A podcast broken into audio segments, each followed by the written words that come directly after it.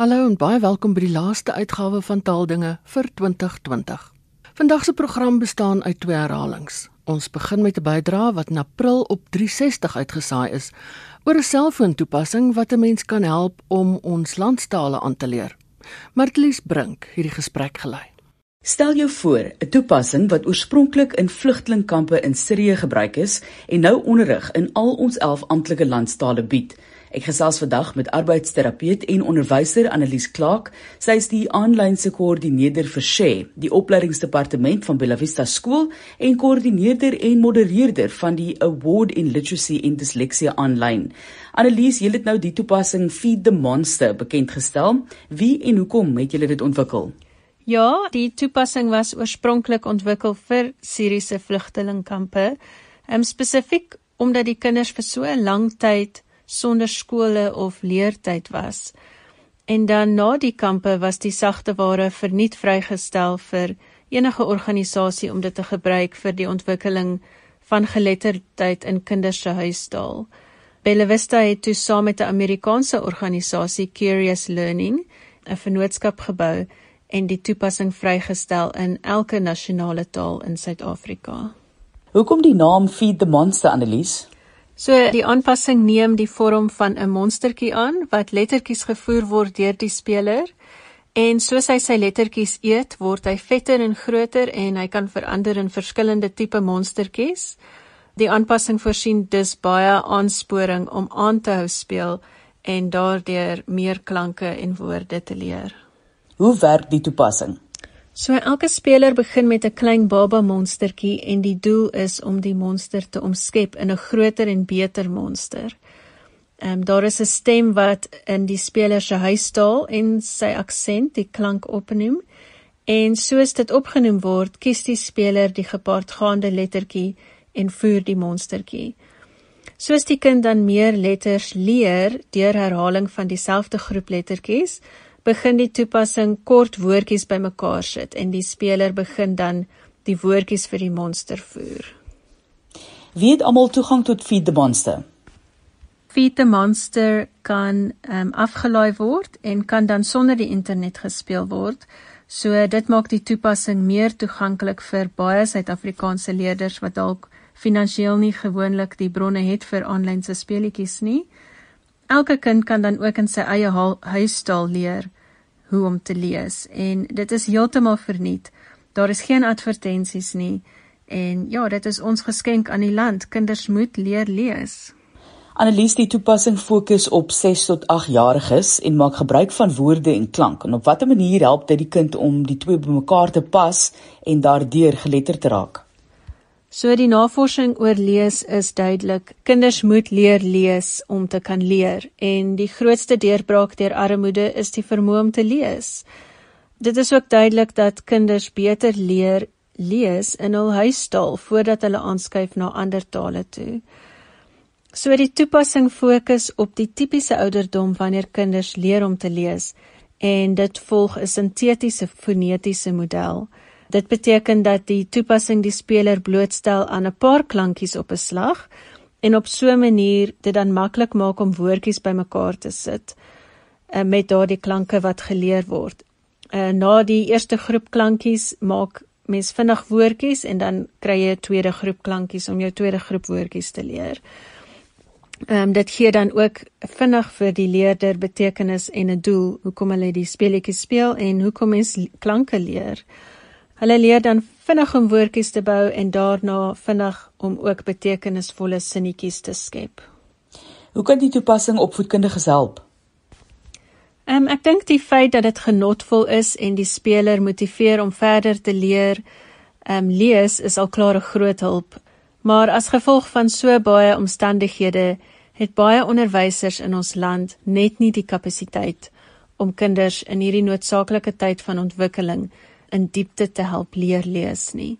So hierdie aanpassing kan gebruik word as 'n genotvolle huiswerktaak of as 'n basis vir ander take soos byvoorbeeld handskrif. So wanneer die aanpassing deur 'n groepie klanke gegaan het, kan die onderwyser van die geleentheid gebruik maak en dan die skryf van daardie lettertjies ontwikkel. Ek dink spesifiek nou in hierdie tyd terwyl kinders by die huis is, kan elke jong kind by Feed the Monster baat. Of dit is om klanke vir die eerste keer te leer en of dit is net vir 'n genotvolle aanpassing in plaas van gewone TV kyk, kan kinders hierdie leesaktiwiteit geniet in hul eie huistaal en in hul eie aksent. En enige iemand van enige ouderdom kan natuurlik die aanpassing gebruik om 'n inheemse taal aan te leer. Baie dankie. Dit was Annelies Clark. Sy is die aanlyn koördineerder vir Share en sy is ook 'n arbeidsterapeut en onderwyser wat met ons gesels het oor 'n toepassing wat in Sirië ontwikkel is en nou in Suid-Afrika omskep is om in al ons 11 landstale vir kinders te leer lees. Die toepassing se naam is Feed the Monster. Die toepassing is gratis. Dit is tans op enige slimfoon of tablette beskikbaar, ongelukkig nog nie bruikbaar op Apple produkte nie. Besoek hulle webblad www.bellavistashare.org.za en dan soek jy daar vir Feed the Monster. Dit was 'n uittreksel uit 360 onder leiding van Martelies Brink.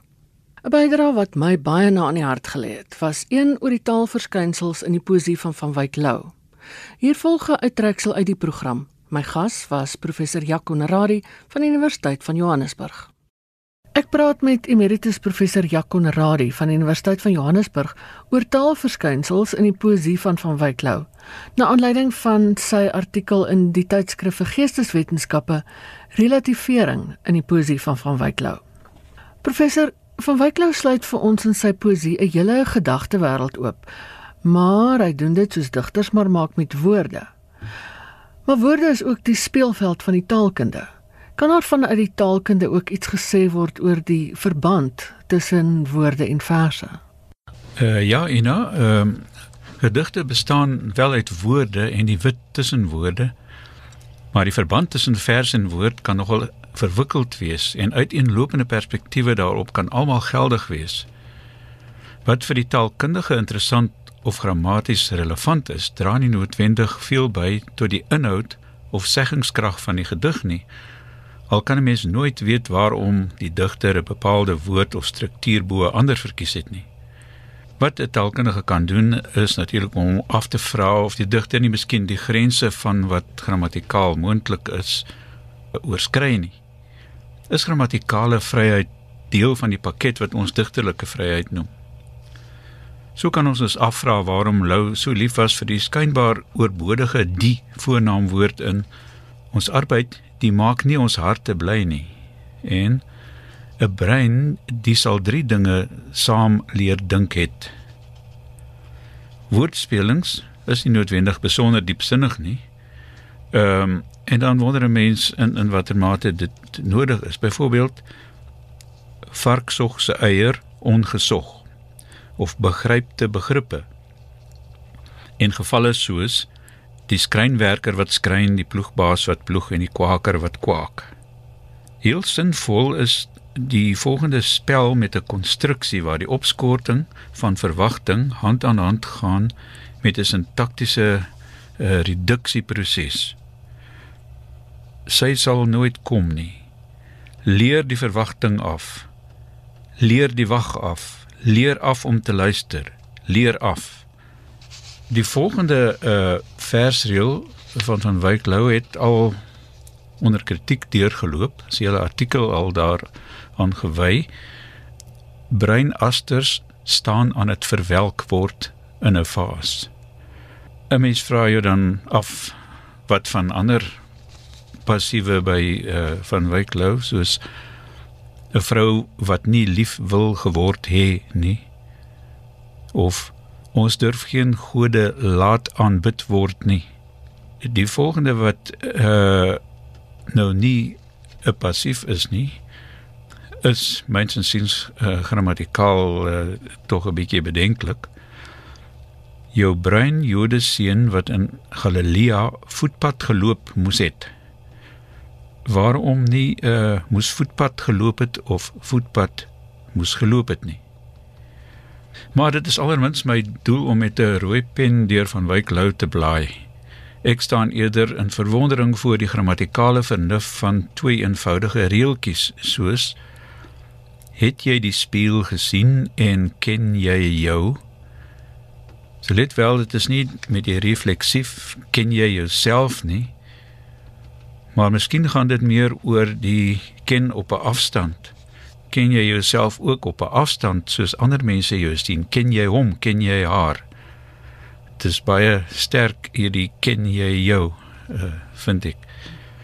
Nou kan 'n taalkundige benadering dan nie veel wins oplewer vir die verstaan of die waardering van 'n digter se werk nie. As die werk van 'n digter uit 'n bepaalde taalteoretiese hoek soos die kognitiewe semantiek bekyk word, kan dit heelwat wins oplewer vir interpretasie. In 'n onlangse artikel het professor Willem Botha byvoorbeeld 'n fynsinnige ontleding van die woorde doen en daad in al hulle betekenisonderskeidings uh soos dit gebruik word in Lou se versdrama Germanicus gemaak. Deur 'n betekenisnuanse van daad as metafoor vir moraliteit te ontleed, word lig gewerp op die beweerde daadloosheid van die karakter Germanicus. Professor Nerina Bosman gaan op 'n soortgelyke manier die bewegingswerkwoorde in Lou se groot ode na en gebruik die konseptuele metafoor verandering is beweging om 'n bydrae tot die interpretasie van hierdie enigmatiese gedig te lewer. Nou is daar ook ander benaderings moontlik. Hoe sou jy dit byvoorbeeld benader? Eh, 'n uh, Paar taalverskynsels van uiteenlopende aard het my al lankal opgeval in die poësie van van Wyklou. En drie van hulle, uh meer pragmaties van aard, lyk asof hulle onder dieselfde noemer tuisgebring kan word. Een daarvan is die gereeldheid waarmee hy in sy gedigte vrae stel. Deur die stel van 'n vraag maak die spreker kontak met die aangesprokene in die verwagting om inligting te verkry, meer insig te kry of selfs net sy eie insigte te kontroleer. Nadat die bekende buiteltjie die aarde oopgekloof het, vra sy hanteerder half trots of ons nou saamstem. So moet 'n buitel slaan wat buitel is of hoe. Die een wat 'n vraag soos die volgende stel uit klipwerk het 'n groot begeerte om te verstaan. Die swart traphuis en die besembos, hoe het jy my dan nou gelos? Deur 'n vraag te stel, distansieer die vraagsteller hom van sy status as alleenbesitter van kennis en insig. Tweede verskynsel wat my opgeval het is Lou se gereelde gebruik van modale bywoorde soos miskien wat ook 'n mate van onsekerheid uitdruk, blote moontlikheid. Nou daar's 'n hele paar ander uh ook maar mos glo sommer en so meer. Miskien sal ek die wingerd prys en nooit meer van hom drink. Die bywoord maar kan dui op 'n situasie wat nie werklik ideaal is nie, maar waarin die spreker tog kan berus. Die wêreld is maar soos hy is. Mos doen by implikasie 'n beroep op iets wat almal tog weet. Byvoorbeeld enige kind wat potklei diertjies maak, sal weet. Perde se rug is mos krom.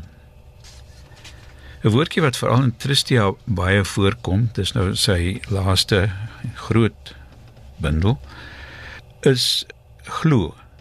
Uh wat so 16 keer in Tristia voorkom teenoor 13 keer van miskien en 7 keer van uh, wat mos voorkom. Die bywoord glo dui op hoor sê en dit is baie naby aan vermoedelik. Dit neem die bewyslas van kennis of sekerheid weg van die spreker. Dit is eintlik 'n baie nuttige woordjie vir joernaliste. Henri Rousseau se oupa grootjie was 'n blafhond vir Napoleon. Glo. Ook hier soos by vrae speel 'n gebrek aan eie insig of 'n beroep op die insig van ander 'n rol. Miskien gaan dit hier om die onbelangrikheid van die uh, gegewe. Deur 'n vraag stel die spreker sy inligting, kennis, waarheid ensovoorts ondergeskik aan die van die hoorder. Deur miskien te sê word sekerheid afgebring tot die vlak van moontlikheid.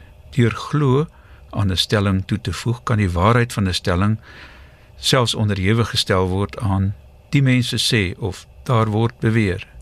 In al hierdie gevalle word 'n stelling of bewering of waarheid ondergeskik gemaak uh, of relatief gemaak uh, of net getoets aan die waarheid van iets of iemand anders.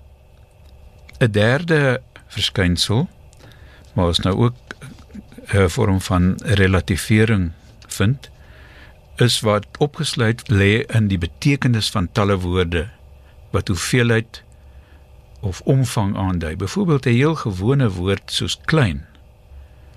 En woorde met die verkleiningsuitgang kie, soos buiteltjie. Dit is veral die verkleiningsaspek wat by Lou opval met klein klein buiteltjie vooraan. Klein is deel van 'n uitgebreide woordveld wat ook woorde soos dun, skraal, laag, eng, smal, stil, eil ensovoorts insluit. En selfs 'n selfstandige naamwoord soos kind. Basies is daar uh, by woorde soos hierdie twee dinge ter sprake. Eerstens 'n norm wat afhanklik is van dit waarna verwys word. Dis dit is verskillend vir 'n klein buiteltjie, 'n klein virusie en 'n klein heelal. En tweedens 'n vergelyking met hierdie norm. En relativering het veral te doen met gevalle wat onder die norm is wat tekort skiet aan die norm. Wat miskien effens minderwaardig of negatief is in vergelyking met die norm. Dis te loop opvallend dat ons gewoonlik die kategorie as sodanig deur middel van die positiewe element benoem. Ons praat byvoorbeeld van die grootte, dikte, breedte, wyte of hoogte van iets en nie van die kleinte, dunte, smalte of laagte daarvan nie. Maar die woordveld kan ook uitgebrei word tot 'n punt waar kleinheid 'n positiewe kenmerk word. Dink maar aan fyn wat teenoor grof staan. Kenraka, hy, die sterk dier.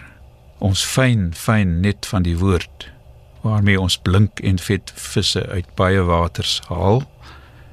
Ons sien dus dat drie uiteenlopende taalverskynsels, naamlik vra, soos kinderraka die woord, modale bywoorde soos glo en woorde soos klein, al drie gebruik kan word om te relativeer. Wat dan ook die digter se verdere bedoeling met die relativering mag wees.